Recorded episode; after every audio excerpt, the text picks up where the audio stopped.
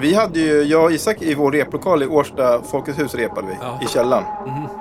Och i förstärkaren fick vi in röster. Som pratade. Men det var som ett samtal som pågick i. Det passade ju för i vår, Ja. den stämningen. DJ. Vi får adressen till en åldrad spansk strandraggare i Los Angeles. Vi påminns om några reggae-knattar från Birmingham. Vi tror att de blev blåsta. I bakgrunden finns en trummaskin som kanske låter som klapprande tänder. Och det händer en motorcykelolycka och en trummis hittar stöd bland kullarna ovanför Los Angeles. Du har tankat hem ännu ett stycke DJ 50 spänn. Det billiga melodi och pratradioprogrammet där en 50-lapp ska räcka till fem plattor. Jag heter Tommy Jönsson och med mig här vid studiobordet sitter Jakob Frisén. Välkommen! Tack! Vilken fin text. Jag gjorde mitt bästa. Jag, jag brukar gilla att vara lite pretto i början. Toppen. Men jag kommer aldrig bli lika fantastisk som det här Kjell Arlinge. Men man kan ju försöka. Ja. Kan inte du hinta lite om vad det är vi kommer få höra här ikväll? Eh, smäktande musik. Mm? Du gillar smäkt? Jag gillar smäkt och stora känslor. Mm. Stora trummor. Det, det här låter otroligt lovande. Eh, Jakob, så här är det med dig. Eh, du är bland annat en jävel på att göra musikfilmer, tycker jag. Tack. Du har till exempel gjort porträttfilmer om Olle Ljungström, Henrik de la Cour, slagverkaren Amadou Dia, eh, till och med om Klaus Dinger och hans liksom, oändliga trumtakt, eller vad vi ska kalla det. Vilken av de här var svårast att göra förresten? Den svåraste att göra var nog Olle Ljungström. Tror jag. Och lättast var Sara Wide Eriksson. Ja, just det, det har du eh, gjort också. konstnären. Mm. Ja. Mäckigast och svårast var nog Olle Ljungström. För att det var... Han var ju som han var mot, mot alla människor så var han väldigt sådär... äh, Bjöd in folk i hans liv. Jaha. Och- mm. Man, jag tänkte att jag ska vara en filmare, men man blev liksom indragen i hans liv och plötsligt hade man hand om hans kreditkort. Och Oj. hade kontakt med, med banken liksom, för att Mm. lösa olika Mhm. problem. Ja. Men det var, ju, det, det var också en av de roligaste filmerna, men den jobbigaste. Utöver det här så spelar du också musik. Trummor helst, har jag förstått. Ja. Och man har kunnat höra dig i ett band som heter Skriet tillsammans med Pascals Isak Sundström. Vad händer på Skriet-fronten nu för tiden?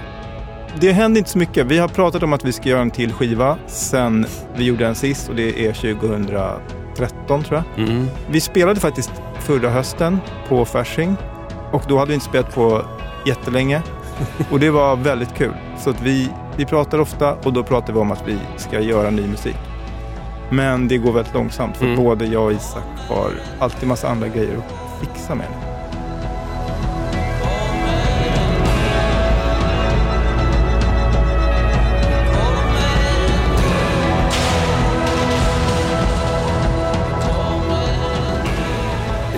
Jag hoppas i alla fall att det kommer mer för att jag tycker att den här grejen som ni gör, jag gillar den väldigt mycket. Jag brukar kalla det för lugna favoriter för apokalypsen.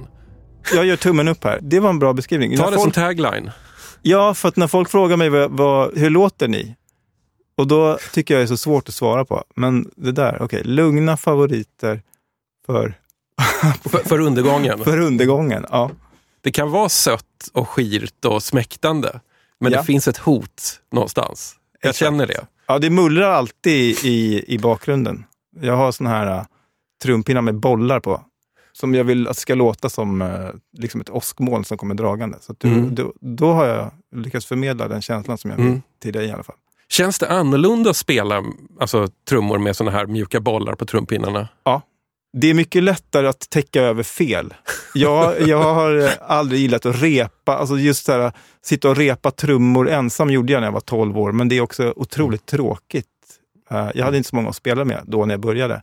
Så då satt jag ensam och det gör ju trummisar, sitter och övar, men jag har aldrig gjort det, utan jag har övat, eller jag har liksom genom att spela med folk, typ Isak. Mm. Så att, eh, ja men sådana bollar, det är mycket mera, det blir ju mycket mera eh, luftigare och mjukare och det är lättare att göra fel. Att sitta och spela med, jag, har ing, jag, äger ingen hi-hat. Mm. Eh, Mm. Så jag föredrar de här bollarna. Det här trummandet och det här filmandet, har, har det på något sätt styrt hur du plockade skivorna idag? Det tycker jag. Hur, hur då? Jag var, när jag var liten så jag var väldigt inne på Mupparna, alltså tv-serien Mupparna. Och jag tyckte att Animal som spelar trummor i Mupparna var väldigt cool. Ja. Jag blev väldigt tidigt så här fascinerad av trummor och hur Mm. de lät. Det är på grund av Animal. Ja, ska jag säga. Animal, you ready? Kill! Kill! Kill! Vet du om det är sant att Animal på något sätt är baserad på jazztrummisen, vad fan är den heter nu? Buddy Rich. Kanske för att det finns ju en, eh, jag kollade nyligen på, på Youtube finns det något klipp där Animal och Buddy Rich eh, gör en trumduell. Just det. Det och då funderar jag på så här, hmm, vem är det som spelar? Är det båda som spelar? Spelar Buddy Rich båda? Trum, trumkompen. Det roliga är att man kan alltid tänkt att Animal ser så oerhört aggressiv ut när han bankar på trummorna. Och sen får man se den här Buddy Rich som sitter där. Först ser han ju ganska civil ut. Ja. Och sen börjar han liksom visa tänderna. Och då är han som ett djur. Där han går loss och sådär. Ja.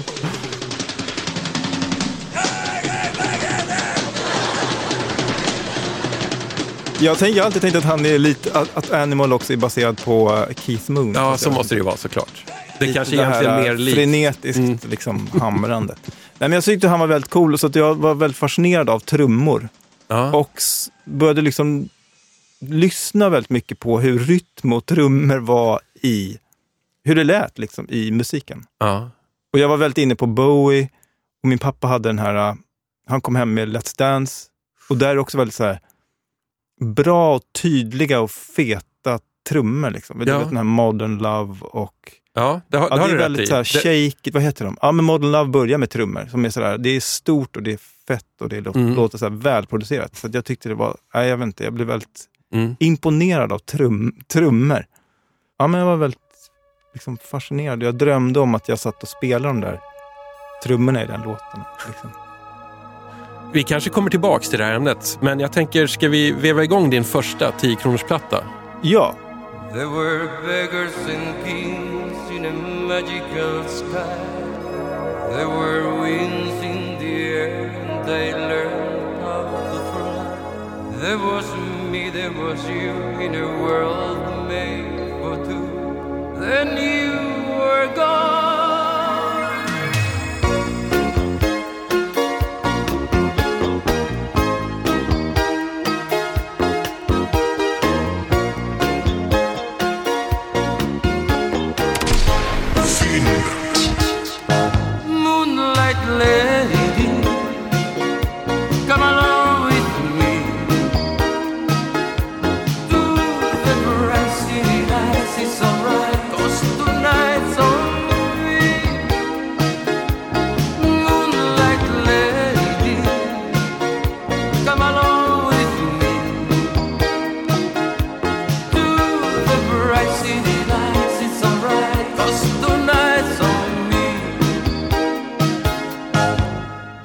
Was satin and lace on my beard, and her beauty was there to inspire. She was love in the night, in the glow of a soft lit fire.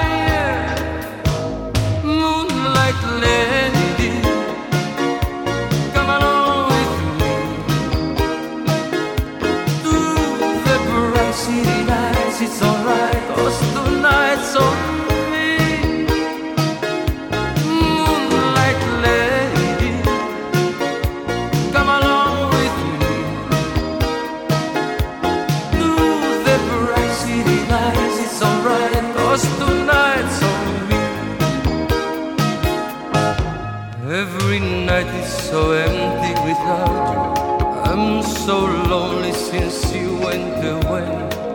If by chance we could dance to the music, let it play. Let me say,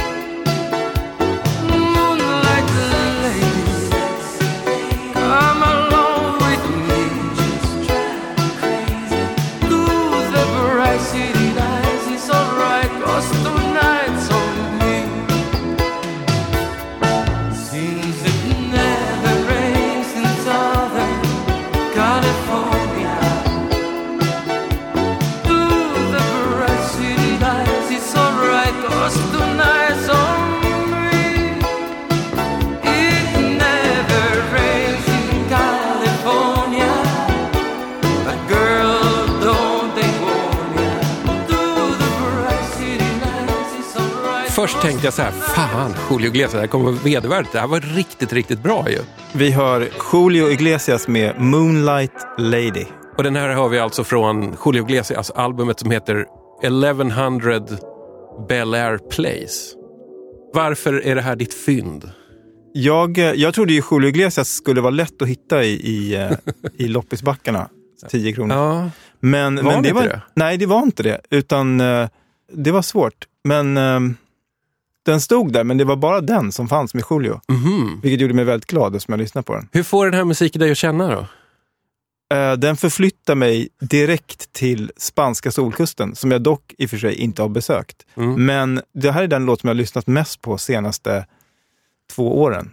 Och när man går, går och lyssnar på den här eh, på stan i januari, februari i sån här snöslask så är det som att man behöver bara blunda så är man liksom nere i något liksom sydligare breddgrader. Vad ser du Eh, framför dig då? Jag ser framför mig en övervintrad eh, strandraggare Mm. i vit linnekostym som, eh, som hänger på ett sånt här stranddiskotek. Mm. Och liksom någon person som har, som har träffat en kvinna som han blir blixtförälskad i. Men han kan li- bli lika blixtförälskad nästa dag. I någon Men han helt är- annan? Ja, i en helt annan person. Och, men han är, han är hjärtekrossad och eh, jag vet inte, jag tycker texten är jävligt bra också. Jag tänkte inte ens på den. Alltså du vet, det bara flöt som majonnäs i öronen på något Aha. sätt. Vad sjunger han egentligen? Han sjunger bland annat Sexy sexy lady, Ja. you just drive me crazy. Eller det är för en kör som sjunger. Men han sjunger också She wore satin and lace on the beach. Hon hade satin Ja. och spets på stranden. Och hon var upplyst av en, en eld som brann.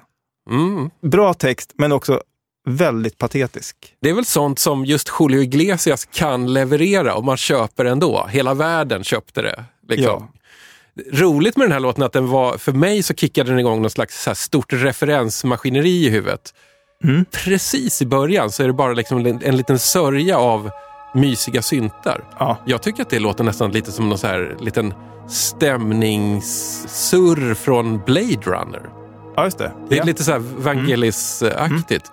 Och sen kommer det här konstiga keyboard-riffet och det är ju nästan rakt av The Doobie Brothers. What a fool believes. Det, det, det. det kallas Ja. ju till och med för The Doobie Bounce. Jaha, det visste inte jag. Fast han har ju, ta, han har ju snott det väldigt bra då och gjort det Ja, bett, poppigare. Ja. Bättre ackord, tycker jag. Det kanske inte är exakt samma, men det är väldigt Jo, men det är den här cha-cha-rytmen. Ja. ja, precis. Exakt. Jag vet inte, man ska ja. dansa... Jag vet inte vad... Heter det cha-cha? Jag tror det. Ja, jag tror det. Ja, Alltså, det, det, cha-cha-dans. det är något sånt. Sen gjorde du mig uppmärksam på att han också sen lånar in It Never Rains in Southern California på slutet. Just det. Vilken jävla gottepåse av grejer han bara öst in i den här. Det är det jag tycker, också med, jag tycker om med den här låten. Dels det, men också att det, man får också en tonartshöjning, heter det väl. Just det. Alla ingredienser Ja. är på plats. Jag undrar om inte hela det här albumet är lite grann plattan där Julio Iglesias kunde peka på saker och önska sig dem och så hände de. För det finns en duett med Diana Ross på den. Mm. Det finns också en duett med Willie Nelson. Ja. Och då tänker man så här, ska han göra en countrylåt? då? Nej, nej, nej. Det är en Julio Iglesias-låt. Det är bara att Willie Nelsons lite så här eh, bäande röst är med där. Varför ville Willie Nelson vara med på den här skivan? Jag har ingen aning. Nej. Jag har hört att Willie Nelson röker mycket gräs. Jag vet inte Ja. om det kan förklara det här. Positiv inställning Mm. till livet. Vet vi någonting mer om den här skivan? Jag är alltid intresserad av att kolla upp vem som spelar trummor på olika låtar. Okej. Eh, På den här skivan så är det en trummis som heter Carlos Vega. I aldrig hört talas om, tror jag. Inte jag heller. inte jag heller. Men jag tycker han spelar liksom... Det är svårt att spela såna här trummor, ska jag säga. Mm. Eh, det, han spelar väldigt så här, precis och enkelt och eh, liksom... eh, Han gör av, Väldigt avslappnat trummor. Ja. Avslappnat trummor. Man tänker inte riktigt på trummorna, Nej, tror jag. Det kanske är det Nej. som är tricket här. ja. Att det bara Det glider förbi. ja. Jag vet inte vem Carlos Vega är, men det, jag gick in på Mm. Wikipedia och kollade upp honom och då så stod det att han dog 1998 Aha. och att han hittades på någon... Ja, det stod liksom His body was found on a deserted road overlooking Los Angeles och han hade skjutit sig i huvudet. Oj. Så nu när jag hör den här låten så tänker jag inte bara på spanska solkusten utan jag tänker också på så här Los Angeles på natten och Aha. Carlos Vega som står där och är olycklig. Den här albumtiteln förresten, 1100 Bel Air Place. Vet, ni- vad är det för jävla adress egentligen? Det, det är Jolios hemadress i Los Angeles. Oj, okej. Vilket är jättekonstigt. Jag antar att han hade sålt huset när han döpte skivan till det här. Eller så är han dum i huvudet. Ja, men han, han bjöd in hela planeten stalkers. Världens alla kvinnor var inbjudna. Antagligen. Sen eh, tydligen så, så han sålde det till eh, Quincy Jones. Det är så här, Los Angeles, stor villa med en pool. Och liksom. Så som man tänker sig att det ska se ut. Mm, mm. Ja, det är klart. Vi ställer tillbaks eh, Julio i 10-kronorsbacken, för nu tänkte jag att vi ska lyssna på ditt nostalgiköp.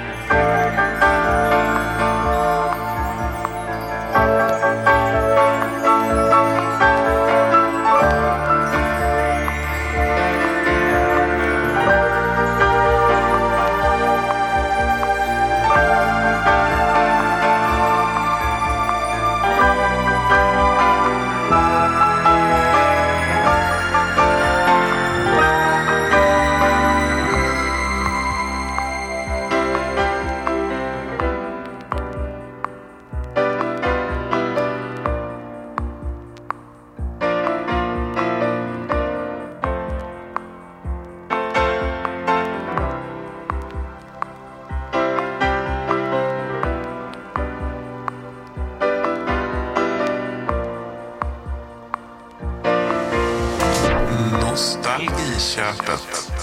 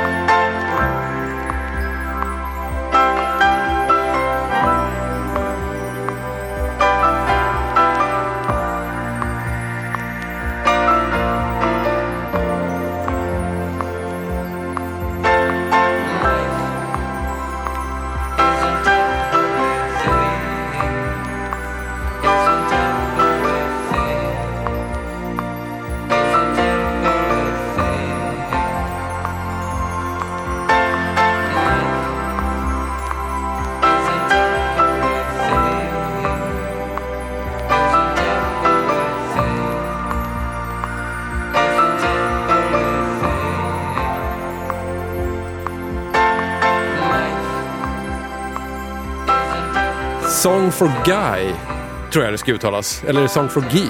Nej, Song for Guy. Ja. Med Elton John från 1978 tror jag. Du har hittat den här på singel. Jag visste inte ens att det fanns.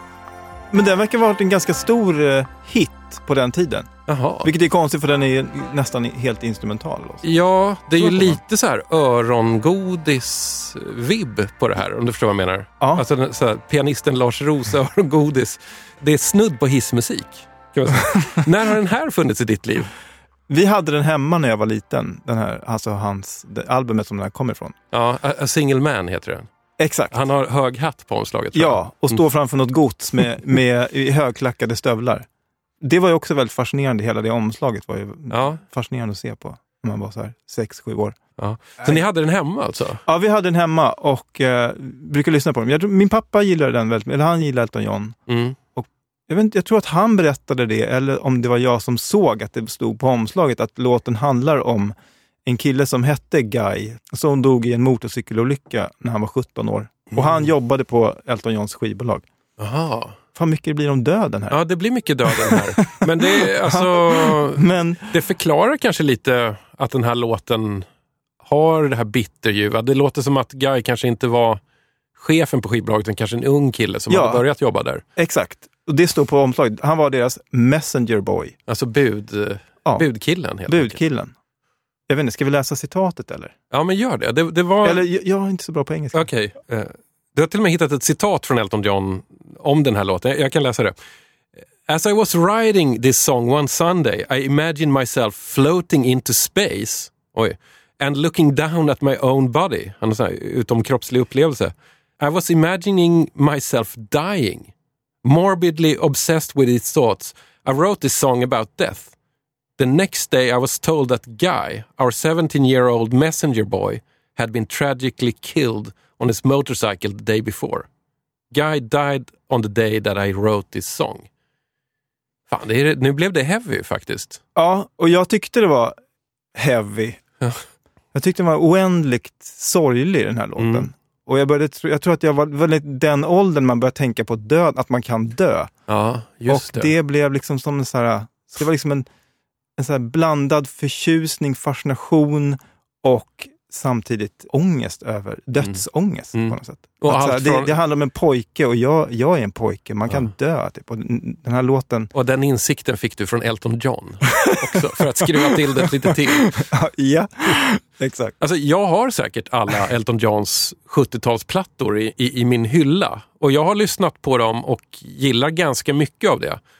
Men den här låten tror jag faktiskt att jag har missat. Och det är trots att jag egentligen gillar sånt här. För det här är någon slags synt och pianomusak som är myssorgsen, eller vad man ska säga. Mm. Jag skulle inte vara främmande för att ha en sån här låt på min begravning den, den dagen det kommer. Jag tänkte samma sak. Har du det? Ja, faktiskt. Jag har spelat på begravning. En kompis pappa som gick bort. Hur var det? det var, kändes väldigt så här, det, det var inte nervöst. eh, utan man var, det är så lugnt och eh, liksom behagligt i kyrkor. Så när vi kom dit, det var jag och en kompis som gjorde det, till, vår, till en annan kompis. Men det var ju ja, det var jobbigt också. Men man, man är så fokuserad så det var liksom... Ja. Men då, Mm. då tänkte jag, just den här låten är ju ja, bra begravningslåt. Det jag gillar med den också är att det är en slags korsbefruktning av Lars Ros örongodis och typ så här, jag vet att du gillar krautrock, ty- typ så här Harmonia. Du vet Mm. de här tyskarna som hängde i ett hus i skogen och gjorde otroligt harmonisk musik. Ja, För det låter lite så här. verkligen. Med en sån billig trummaskin som låter i bakgrunden. Jag undrar om han var inspirerad av det, för det är exakt så här, 1978, det var väl då liksom de, Ja, det var väl då de höll på med sånt. Men eh, jag trodde att det var en, en trummis som satt och spelade den här takten. ja. Jag fattade inte att det var en trummaskin eftersom Nej, jag var så ja, liten. just jag visste inte att det fanns trummaskiner. Mm. Och jag tyckte även att det lät som att någon satt liksom och Jag klapprade ihop klapprade tänderna. ihop tänderna. Att det var liksom ljudet. Ja. Och jag var också så väldigt fascinerad av, så här, kan någon sitta och, har de suttit och spelat in tänder som liksom, sitter trummisen Ja. och biter ihop sina tänder? Det låter lite som det. Ja, väldigt snyggt eh, liksom, trumljud. En annan rolig sak med den här låten som känns ganska udda i Elton John-land är ju att han faktiskt sjunger lite på den, men man hör det knappt. Det kommer lite på slutet och det låter som att det är en röst som viskar från andra sidan Mm. eller någonting. Mm. Det, det har jag aldrig hört i en Elton John-låt. Nej, Jag tycker det är skönt att slippa höra hans röst. och jag, jag tycker det, det är en fin... Alltså, han sjunger bara “Life isn't everything”. Vad menar Life isn't everything. Ja, vad, vad fan menar han? Jag vet inte, jag tänker att han tror på liv efter döden. Liksom. Mm. Tänker jag. Vi får den andliga sidan av Elton här. Mm. Jag hörde också att Elton John, angående den här låten också, att Elton John äh, träffade Gianni Versace på en fest. Mhm. Och Gianni Versace berömde Elton John äh, för den här låten. Han tyckte den var så modig. Jaha. Ja. Och Elton John fattade inte och började tänka så här, ja den är instrumental. Mm. Eh, det är ganska modigt. Men sen visade det sig att Versace hade missuppfattat titeln. Han trodde den hette Ah. Song for a Gay. Du, eh, vi, vi hördes lite innan vi började spela in det här och då sa du någonting om att både förra låten med Julio Iglesias och den här med Elton John, att ni på något sätt har eh, ramat in skrietkonserter med det. Ja, vi gjorde det på, vår, på vår sist, den senaste spelningen vi gjorde. Så började konserten, innan vi gick på scenen, så hade vi den här låten. Ja. Så man liksom vaggas in i den här stämningen. Mm. Och det var nästan, om jag minns det här rätt, så var det nästan så att, jo men jag började liksom spela, apropå mullrandet, så började jag mullra liksom på trummorna och cymbalerna med mina bollpinnar Mhm. till slutet på den här låten. Ja. Så att det liksom flöt in, den här låten flöt in i vår konsert. Och sen när vår konsert var slut, ibland liksom, kan ju våra konserter bli väldigt så här, liksom, tunga och, och bombastiska och liksom, man är ner i ett, liksom, man har gått ner i avgrunden, fast samtidigt inte. Och då så rundade vi av med, med Moonlight Lady med Julio som liksom en, nu var man ute i det här. Perfekt inramning tycker jag på en konsert. Nu har det varit lite tungt här ett tag, Mm. Jakob. Eh, jag vet att du har i alla fall en så här lite kolsyrad uptempo-grej där. De här unga, unga knattarna från Birmingham. Ska ska vi Ja. köra dem nu? Ja, fint omslag. Man blir glad. Det var därför jag tog den där.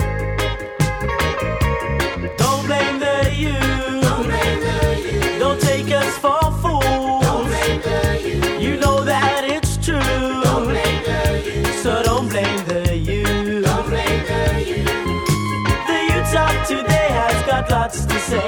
It's our life, it's our future. Because we're living today. So don't blame the youth. What do you say? My mother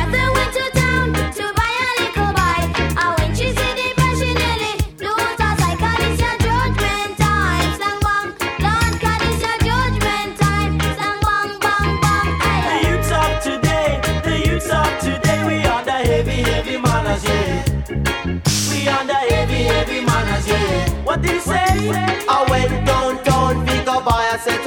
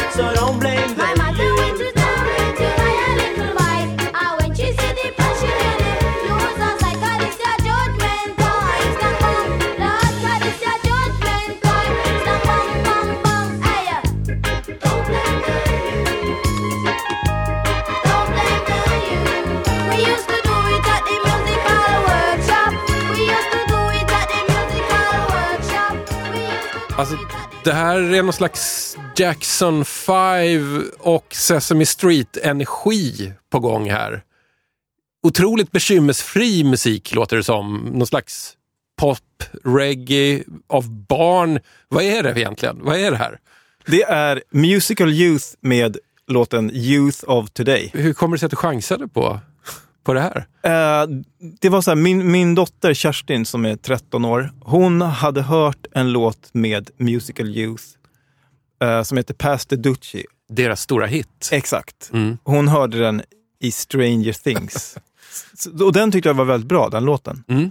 Så då blev jag glatt överraskad när jag såg, jag kände igen så här, Musical Youth, det, måste, ju- det är ju dem. Precis, omslaget på den här singeln det, är- det är någon slags eh, lite halvcartoonigt tecknat. Ett band med fem småkillar eh, från tonåren och neråt. Jag, jag, det är en teckning, det går inte att avgöra åldrar men jag vet att Musical Youth var barn. Alltså den äldsta var väl, gick väl typ på gymnasiet men, men den yngsta tror jag, undrar om man ens hade börjat skolan när de fick sin hit. Ser ut att vara 6-7 år eller någonting. Ja. Och det är väl hans, det är väl han, den yngsta är väl han som sjunger, den med ljusa rösten, som är Ja. otroligt bra Ja. också. Har, har vi någon aning förresten om vad som hände sen med de här glada knattarna i Musical Youth? Ja, men det, det verkar som att det blivit så här, de blev lurade på pengar, någon blev deprimerad, kanske på grund av det. Eh, En av dem dog i år tror jag. Deras, deras trummis faktiskt. Okej, ja, ja, Dagens andra ja, trummis som stryker med här. deppigt. Nu hamnade vi i döden i alla fall. Det verkar hela tiden finnas lite i närheten av dina skivor. Jag vet inte om det är så med dina filmer också. Det tycker jag stämmer, verkligen. Ja. Den senaste jag såg, den tror jag fortfarande ligger på SVT Play och det här är ett tips. Den handlar om Amadou Ja. Ja, när jag var barn så brukade jag jämt gå med världskartan. Och det brukar jag sitta och kasta sten. Och sen var stenarna hemma, där brukar jag lägga en kris där. Och dit ska jag åka. Alltså slagverkaren som kommer från, är det Sierra Leone? Ja, som kom till Sverige och han lirar ju på mängder av såna här klassiska svenska 70-talsplattor som man ibland hittar på loppis. Jag jag vet inte exakt vad för slagverk, men han verkar vara ganska allsidig. Han hade ju trummor med sig därifrån Mm. Sierra Leone, eller han köpte med sig, han var ju ofta där och liksom köpte instrument Ja. hem. Men de heter tam-tam-trummor. Så Okej, det, ja. det korrekta namnet är tam-tam. Mm. Det är som större kongas, va? Ja, Eller? Ja. exakt. Och de, ser, de är liksom hand, de är väldigt fina, de är handgjorda och Mm. liksom, eh, med mönster på Ja. och sånt där. Ja, de är... Den filmen har ju faktiskt en, eller den drabbade mig i alla fall, den här slutscenen som är begravningen. Han, han dör i Sverige, eller hur? Men han begravs i, i Sierra Leone. Ja. Och alla barnen är där. Ja. Titio, Nene Cherry, Mm. eh, Cherno. Det är fler. Mm. Du måste ha ritat ett släktträd nästan när du gjorde den här filmen. Det gjorde jag. Men framförallt så är det en annan scen där som, när jag ser den i filmen, så är den ju nästan för bra för att vara sann. Mhm. Det är ju när den här The High Life Orchestra som Mm. Eh, Amadou Ja en gång ledde. De kommer och spelar på det vårdhem eller äldreboende som han bor på. Och när, när du gör filmen så är Amadou eh, sjuk i Alzheimers. Ja. Och in, verkar inte vara så lätt att kontakta ens kanske. Nej. Men någonting händer ju. Alltså när de börjar spela så ser man att han vaknar. Ja. Han kommer ut ur den här bubblan Ja. och börjar spela. Det är, det är faktiskt eh, det är första gången jag filmar, står bakom kameran och, och får liksom en så här... eh, Jag vet inte, jag fick gåshud och man, nästan en tår i ögat för att... eh, Ja, men det var som att han verkligen kom tillbaks och blev den han var. Och hans, några av hans barn var där och det, de sa att det var som att han får honom tillbaka några minuter. Ja. Så det, var, det kändes som en stor grej att få vara med om faktiskt.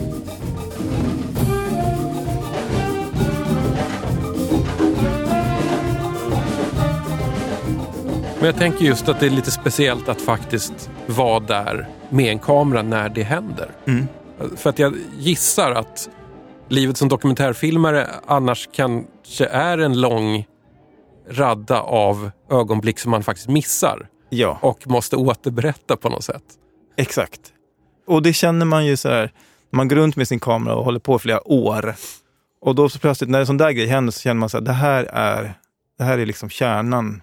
På, det här kommer vara kärnan på den här filmen. Liksom. Mm. Så det är de där ögonblicken man jagar som dokumentärfilmer skulle jag säga. Ja. Och som gör att man inte vill, som att- gör att man fortsätter. För de, de kommer inte ofta, men när de händer så är det som att det, då får man ju, man får liksom en mening med att hålla på med det. Det där är ju motsatsen, tänker jag, till hur det kanske var att göra den här filmen The Heart is a Drum. Den handlar om Klaus Dinger som spelade trummor i bandet Neu, alltså ett väldigt viktigt krautrockband och sen senare då La Düsseldorf. Filmen handlar ganska mycket om hans trumrytm. Inte, inte för att den kanske inte har funnits innan, men på något sätt så förkroppsligade han den. Där hade det ju väldigt lite material med Klaus Dinger själv, för han var ju redan död sedan länge och hade inte lämnat miljarder av filmrullar efter sig. Du hade en telefonintervju Ja, att bygga en film på. ja. My honey went to Norway. Norway? Your Norway. honey went to Norway? My honey, yes. Det måste ju Ja. varit helt absurt. På ett sätt absurt, men också väldigt skönt att så här, det här är det jag har. Ja. Det var liksom en skruttig kassett. Ja, Så jag hade tur att den fanns kvar ens. Den var ju liksom gammal, den var från 1998 eller någonting, den här intervjun. ja. Så att det var ju på ett, sätt, på ett sätt skönt, men han är ju inte svårintervjuad också. Han säger ju inte särskilt mycket. Liksom, sådär. Utan det, Nej, det han, vill, verkligen... han vill ju styra allting till att handla om den här svenska tjejen som han då för väldigt, väldigt länge sedan, redan när den intervjun gjordes, Ja. hade en fin sommar med. Och sen stack Precis. hon till Norge. Exakt. Det är kanske ingen eh, hemlighet för de som har lyssnat på DJ 50 spänn några gånger att jag, utöver det här missbruket av billiga skivor från loppisen, också är en frälst och upplyst krautrockdåre. Och det har jag varit sedan 13 december 1989. Jag vet när det hände, för jag gick in på Skivhögen, Stockholms otrevligaste skivbörs och köpte en Noi-singel. Den lilla information jag hade var att det här har någonting med kraftverk att göra. Och sen gick jag hem, la den på skivspelaren och sen tog livet, liksom, ja, livet fick en ny dimension för mig helt enkelt. Men problemet var att det har aldrig funnits någon information om, om Neu, om Klaus Dinger eller om gitarristen Mikael Roter. När internet kom så kunde man hitta lite mer, men det var fortfarande väldigt lite. Mm. Det är först på 00-talet som det har börjat dyka upp intervjuer med de här människorna. Mm. Jag har i och för sig gillat att det fanns ett mysterium, Mm. men eh, ja. Då var du tidig, för att eh, det, det känns inte som... Noi, Noi känns inte som ett band som man hittar på loppis nu för tiden. Nej, det gör man inte. La Düsseldorf. Jag tycker ju La Düsseldorf är bättre. Eller jag, vet inte, jag, jag gillar dem bättre nästan än Ja. Noi. Jag tycker Noi kan vara så stökigt ibland. Ja, nej men Noi är ju eh, nästan utstuderat experimentellt. För varje sån här eh, låt med det här kända då motorik eller ändlåse gerade-groovet så kommer det också en låt som bara är Aha. ingenting. Med- Medan La Düsseldorf faktiskt gör någon slags rocklåtar. Ja.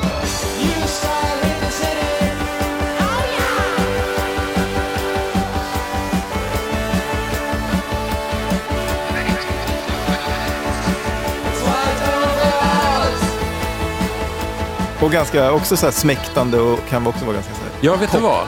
Nu får ni bara hänga med på den här eh, krautrock-diskussionen här. Det som är genialt med La Düsseldorf, alltså Klaus Dingers band efter Neu, det är ju att de är delvis smäktande så här ölhalsmelodier och delvis glam på väg till punk. Och lyckas Exakt. få ihop det här på något konstigt sätt. Ja. Hur det går till, det har jag ingen aning om. Men är man på, har man rätt frekvens inställd i skallen så är det här bara fantastiskt.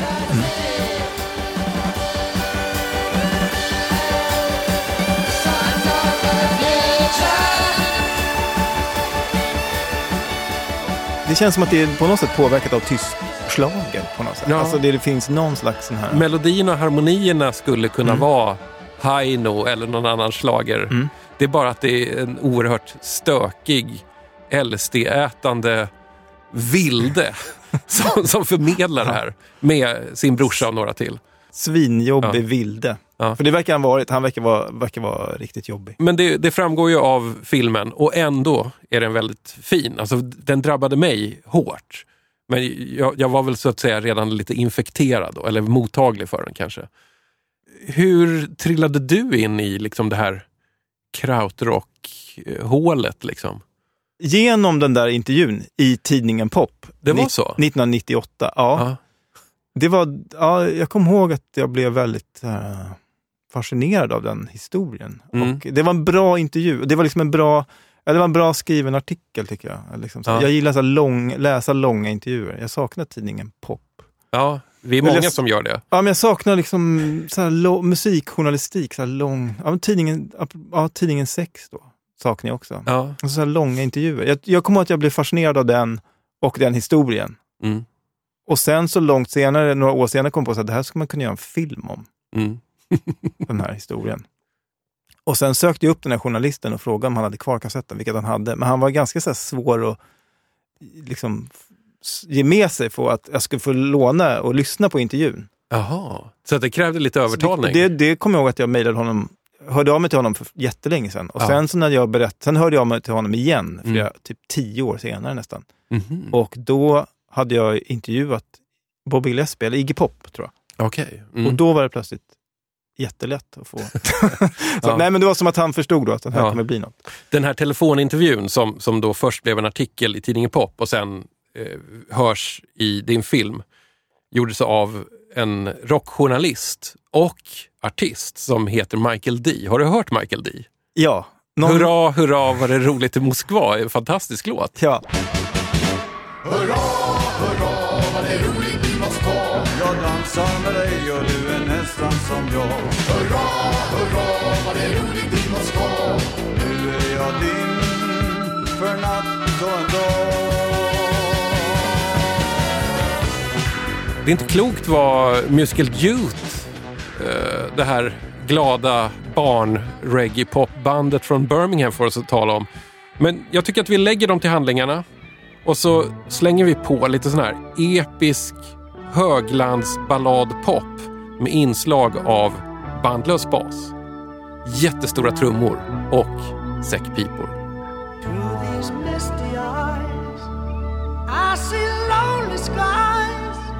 Lonely road to Babylon. Where's my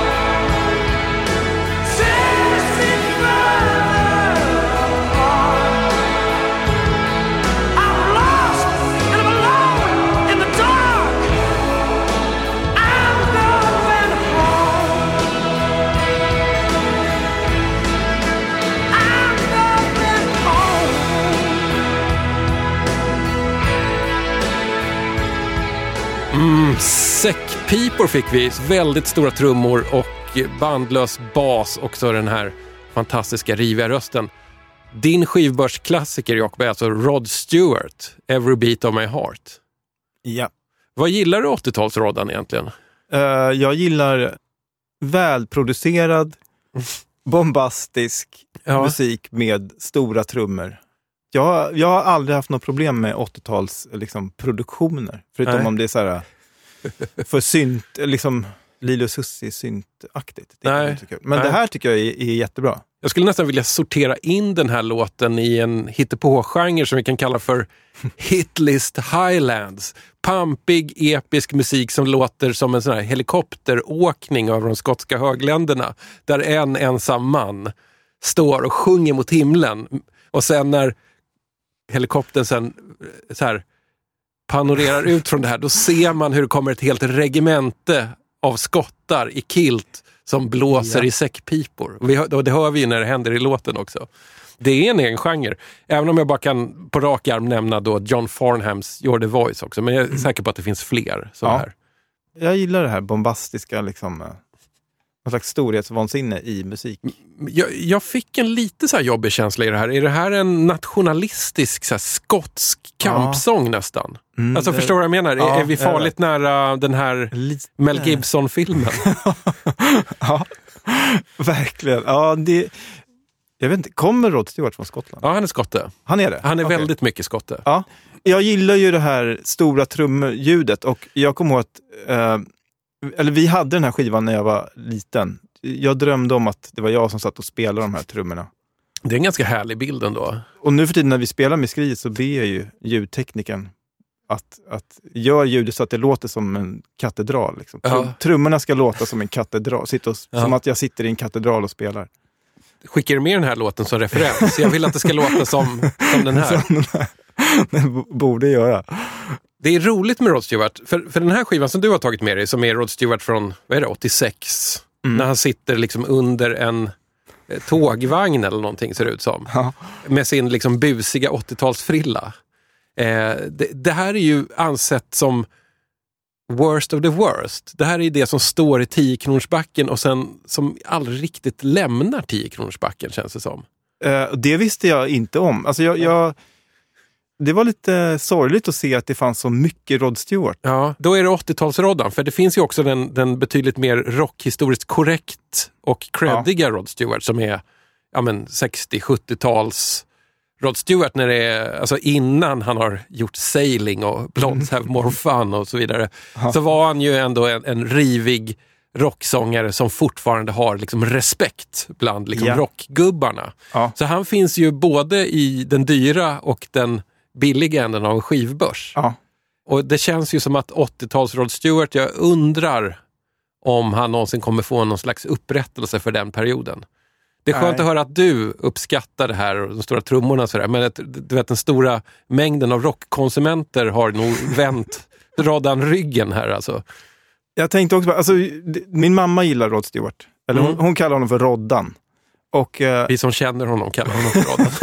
ja, och och hon tycker att han är, är sexy. Eller, Ja. Han är en snygg, en snygg man. Mm. Och det är just det här, eh, jag tror att mina föräldrar upptäckte väl honom på slutet av 70-talet. Det här Mm. Do you think I'm sexy? Just den det. perioden. Ja. De har inte koll på den där rock, rockroddan, utan det är den, det är den, den glättiga Ja. roddan.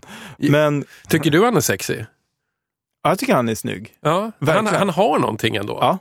Men han, det tänkte jag på, jo, att han har verkligen inte lyckats eh, hålla han har inte liksom lyckats s- skaffa ny publik, liksom, utan det är min mammas Ja. generation. Mm.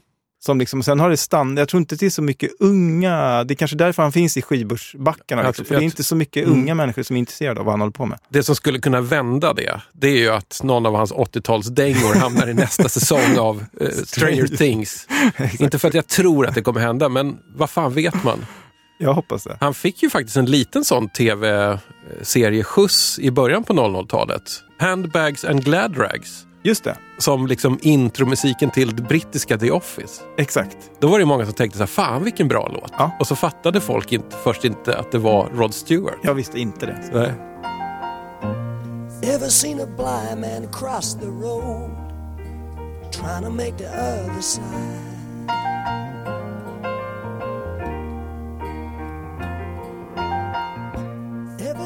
Det här var din fjärde platta för idag, Jakob. Det betyder att det är bara en kvar. Ja. Och då undrar jag, blindslumpade du fram någon skiva? Det gjorde jag. Jag hittade de här skivorna på en loppis eh, som heter Bragehall i Plintsberg som ligger nära Leksand. Oj, Eh, gett dig ut i landet alltså? De hade bra skivor och till rimliga priser också. Ja. Och den här skivan, jag tänkte så här, nu ska jag ta den skivan som står längst bak i den här backen. Mm. Och då dök den här upp.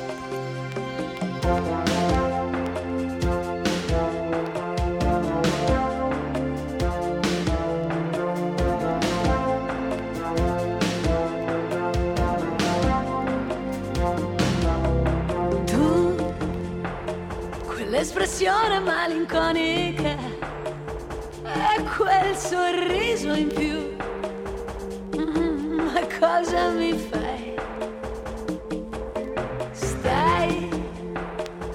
Così vicino, così immobile, parla qualcosa, non ti ascolto mai.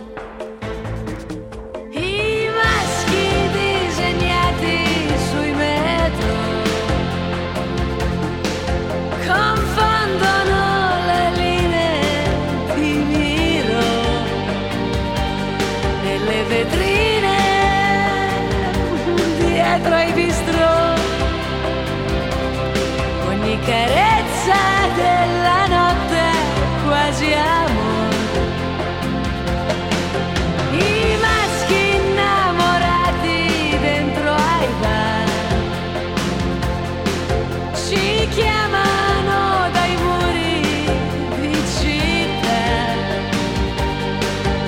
vetrine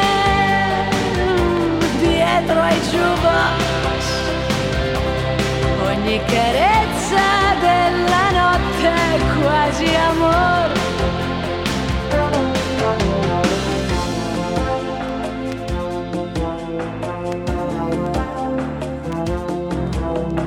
Tu sotto la giacca cosa avrai di più? Quando fa sera cuore si scatena. Mi va sulle scale poi te lo darò. Quello che sento, mm, parlami ancora un po'. I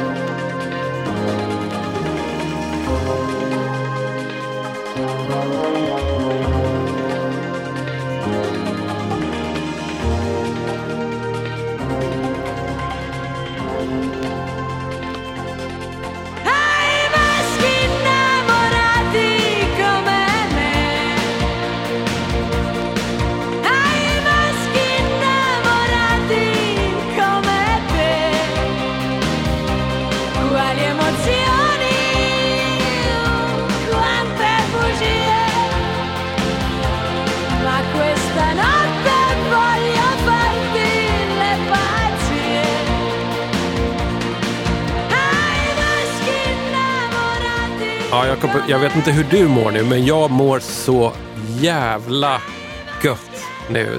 Det finns ingenting som är så upplyftande som I Maski av Gianna Nannini. I alla fall inte i den här 1987-världen som vi verkar befinna oss i nu. Ja, Jag håller med, jag mår likadant. Kan du minnas den här låten från när den faktiskt också var en hit? Ja. Jag får liksom en, eh, en känsla av så här, var med föräld- att jag var med mina föräldrar på någon fest. Och liksom föräldrar, vuxna som står och dansar. Och lite vuxna som står och dansar lite för nära med, med andras eh, fruar och män. Liksom. Mm. Lite sådär. ah. Och, och man Nej. känner av att det är någonting Ja. lurt på gång kanske. Exakt. Men sen fanns den också, mina föräldrar hade en, de drev en frisörsalong eh, på 70, 80 och 90-talet Mm. och början av 00-talet. Här i Och- Stockholm alltså? Här i Stockholm, som hette Klippoteket. Som, Det, som, alltså, det, det, legendarisk frisörsalong får man säga. ja, du känner till den? Nej, men det var väl det heta stället där ett tag? Ja, det var, det var hett på 70, 80. Ja, det var, det var hett hela tiden ska jag säga. Mm. Men, och där fanns den här skivan på CD. Shit. Tänk att sitta på klippoteket och få håret klippt och sen fönat och så blästar Gianna Nanninis i Maski samtidigt. Och det är fredag eftermiddag och, och Café Opera hägrar. Ja, stark känsla jag känner här nu. Man har precis gjort slingor. Just det. Fönen har värms ansiktet. Ja. Men, ja, men det är en perfekt eh, frisörsalongsmusik också.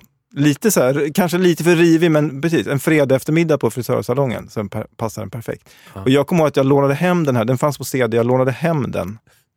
Och det här var under eh, den liksom, värsta grunge-perioden. Så det var ingenting som jag skyltade med att jag lyssnade på, men jag lyssnade på den i, i liksom, inte med mina kompisar, men, jag, men i lite smyg hemma, för jag tyckte den var jävligt bra. Jag är mer stolt över att ha lyssnat, att lyssna på Gianna Nannini under grunge-tiden än att lyssna på Pearl Jam. Att jag har lyssnat på Pearl Jam. Det där är intressant. Är Pearl Jam ett, ett band som man lite grann skäms över att man har lyssnat på? Ja. Alice in Chains känns inte lika jobbigt. Nej, det gör det nog inte. Och sen, ja, det var en massa band. Jag var, det var liksom en period man gick på väldigt mycket konserter. Jag har sett väldigt mycket grunge-band. Liksom. Det var ju bra konserter, men Pearl Jam var, ja, det var helt okej. Mm. Jag kommer att de spelade för, nej, de, jo, de spelade innan, förband till Neil Young. Mm. Och under Neil Youngs spelning så började en högtalare brinna. Det är häftigt. Och att vi, jag och mina kompisar liksom pekade på en, ropade på en vakt och pekade upp Ja. på högtalaren att det faktiskt brinner där uppe under Neil Youngs gitarrsolo. Tänk att sånt ändå händer. att han spelar så att det börjar brinna. Ja, väldigt. Det tyckte vi var coolt. Hörru, jag styr tillbaka till Gianna Nannini. Du har tagit med eh, den här skivan som heter eh, Maschi e altri. Inte förrän idag har jag fattat att det här är en samlingsplatta. Det här är en slags greatest hits-platta. Dock var den här låten ny då. Det här var dragaren för den. Men har du någon koll på henne? Jag lyssnade på några fler låtar. Det är väl helt okej. Och uh, Conny Plank, som Ja. producerade Noi, Just det. han var med och producerade några låtar på den här skivan. De är nog hämtade från en platta från 1984 som heter Puzzle. Som hon gjorde. Med Conny Plank. Jag tror han producerade hela det albumet. Och det är en lite mer, vad ska vi säga, lite mer germansk och mekanisk Gianna Nannini på den plattan. Så det, det är kanske ett tips för Okej. dig att leta upp den. Ja. Sento che una voce parla piano in fondo a me, come da un abisso nero chiede ma perché? Poi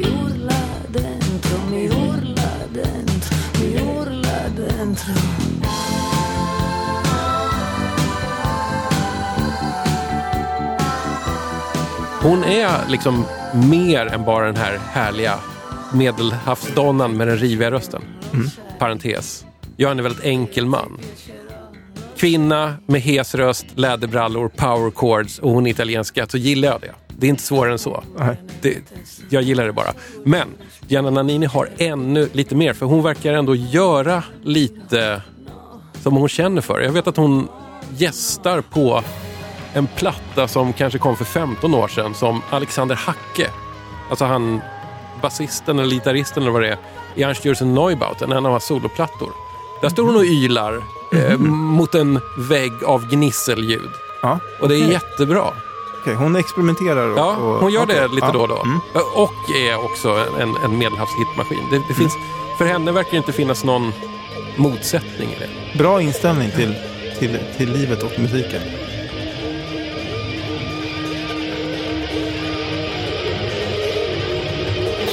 Per sempre butterfly.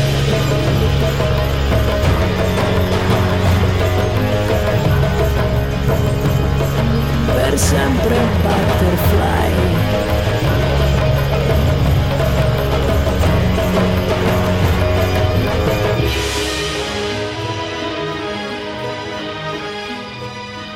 Men du, vi måste kolla av en sak. Är det ingen dödsnära koppling på den här skivan? Har du brut- brutit den sviten lite grann här? Ja, äntligen. Vi- har kört dina fem eh, loppisfynd från Leksandstrakten. Jag kommer inte på något smart att säga om dem. Jag vet att du har tagit med dig en liten bonus, en liten eh, livlina. Ja. Känsliga lyssnare varnar jag för de extremt bra och spännande och roliga trummorna. There's a bass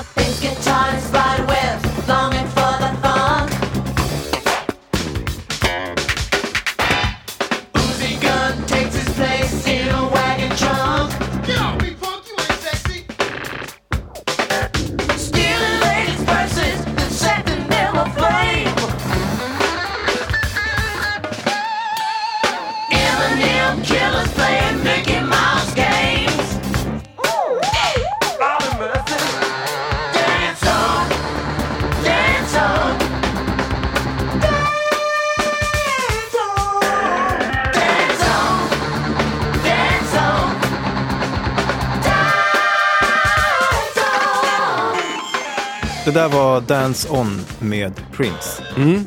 Från skivan Love Sexy som kom 1988. Varför är det här din livboy, höll jag på att säga. Livlina.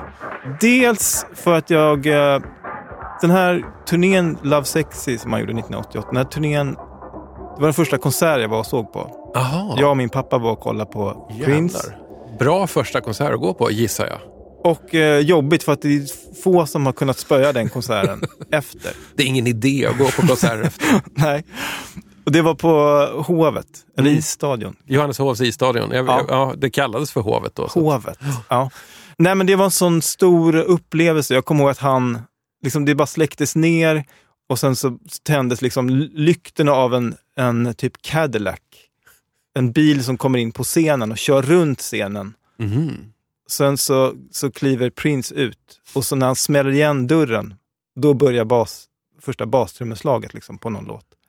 Och allting Mm. var så här koreograferat och ehm, ja, jag tyckte det var, det var liksom en stor upplevelse. Jag var typ 12 år. Har du varit liksom frälst Prince-fan sedan dess? Ja, men faktiskt. Det, och jag var det lite innan. Min, min syster lyssnade mycket på Prince också. Det var hon som fick liksom in mig på det och Mm. Purple Rain och så.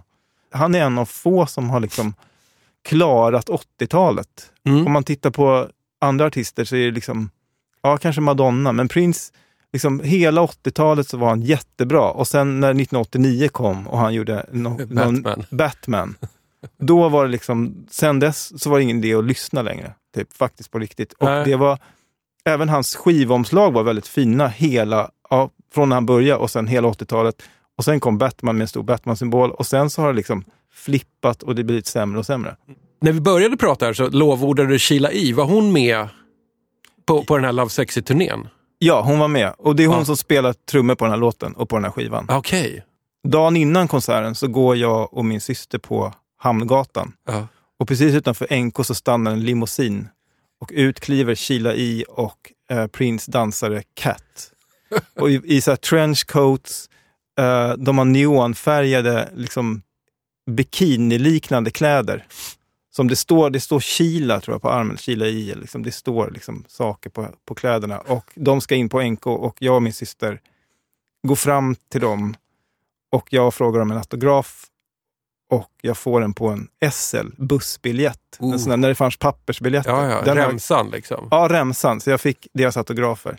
Och det var som att liksom två, när de klev ut ur den här limousinen så var det som att två rymdvarelser klev ut där på liksom bland det tråkiga, gråa Ja. 80-tals Stockholm. Som i, nej, det, var inte, det var inte tråkigt. Men eh, det var liksom som att två rymdvarelser som steg ner där på Hamngatan. Men det måste ju ändå ha varit lite så här känsla av när cirkusen kommer till stan eller rymdinvasion i Stockholm när det här hände.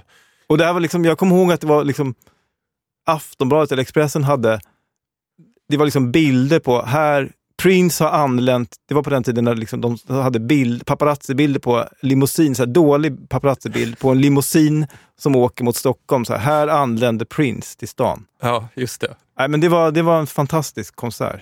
Jag, eh, den här låten, jag läste någonstans en tråd på nätet om så här, är det Sheila E som spelar trummor på den här? Det kan inte vara det. Liksom. Va- Varför skulle det inte kunna vara det? För det går så otroligt snabbt och det är så mycket slag och det, liksom, det händer saker. Så att, Ja, liksom, ja. Så här, det, här kan inte, det här måste vara gjort med en maskin, tyck, tyckte folk i den här Mhm. tråden. Då. Men jag kan säga att hon kör, de spelar den här låten, minns jag, och hon satt och smattrade. Mm. Hon kan spela det här kan jag säga. Jag har bara varit på två, tre konserter med, där det har varit trumsolon. Det var Fleetwood Mac, och det var Kiss Ja. och det var Prince. Mm. Och Kiss, det var ju som att lyssna på en jazztrummis som försökte spela rock. Ja. Och Fleetwood Mac var jättejobbigt och bara dåligt. Och han gjorde några konstiga ljud samtidigt. Men Sheila E. var, det var ett bra trumsolo. Har du gjort något trumsolo någon gång? Nej, borde, borde börja med det. Folk borde göra det mera tycker jag. Ja, det, är, det är Det är dags. Om inte annat, det som du pratade om innan, trumdueller skulle jag kunna. Ja. En kort, koncis trumduell. Lite grann som Animal mot Buddy Rich. Exakt. Gärna för mig. Jag skulle vilja säga Animal mot Sheila E. också. Ja. Ja, men jag, blev väldigt också, jag blev väldigt inspirerad av att se henne spela trummor. Och det, det var då jag bestämde mig att nu ska jag satsa på det här. Mm. Jag jobbade ihop pengar till att köpa en, eh, en splash-symbol. Mm. Man hör det i den här låten, så är det, sån här, det, är liksom, det finns symboler som är crash och ride Mm. och sen finns det splash. Och det är de här som låter så här, tsch, ganska litet ljud. Mhm. Eh, så jag gick och köpte en sån och jag gick och köpte två små hängpukor, för det hade hon också. Så att jag liksom, så två små korta så här 80-tals hängpukor. De Mm. använder inte jag längre, men de, är liksom, de låter väldigt snärtigt och så här. Men kom det upp i så här, så här hög speed och rolighet? Nej, det har jag aldrig gjort. Men jag blev, jag blev väldigt inspirerad, men jag gav upp idén om att liksom bli en tekniskt skicklig trummis. För att det är, Mm. ja, som vi pratade om i början, att det liksom är, det är inte därför jag spelar trummor, för att liksom visa upp någon slags teknisk skicklighet. Det är ganska jobbigt. Ska vi stanna där kanske? Ja, en grej som jag ja. kom på. Ja. Med, jo, eh, med Prince, eh, Ja. Love Sexy. Det är den enda vinylomslag som jag har på väggen. Mhm. Jag tycker det är ett väldigt fint skivomslag. Det står liksom, det står ju inte hans namn eller någonting på det. Utan det är bara den här fina bilden när han sitter naken i en lilj, ja det är någon slags blomma, lilja. Ja, jag tror att det är det. Och det, Ja. och det är väldigt ljust. Det är Ja. ljus bakgrund också. Exakt. Jag tycker det är ett väldigt fint skivomslag. Min dotter tycker det är lite jobbigt att jag har det på väggen. Ja, varför har du en naken man på väggen? alltså, det, det är Prince. Det är Prince. Du kommer förstå. Jakob, stort tack för att du baxade den här vinylen hela vägen från Leksand ner hit till Älvsjö. Det var både smäkt och död och rätt stora trummor. Ja, Det är väl allt man behöver egentligen. ja enligt mig i alla fall. Det var en rolig, det var en rolig uppgift att, att eh, ge sig ner i, böja på knäna och ge sig ner i backarna under backen. Ja. De som står på golvet. Där det är billigt. Ja. Eh, Det, det kostar ju på i, i leder, och knän och rygg att vara snål när man letar skivor. Ja. Jag är snart 50 och jag, jag har börjat få de här grejerna att när jag reser mig upp snabbt från att sitta på huk. Då får jag lite så här yrsel, svimningskänsla. Dåligt tecken, då måste jag hålla mig i och då är det ofta en så här väldigt ranglig gammal Ikea-hylla som också är full av skivor. Så en vacker dag så kommer jag att liksom svimma, hålla i en sån här och välta den över mig. Förmodligen så. Mitt liv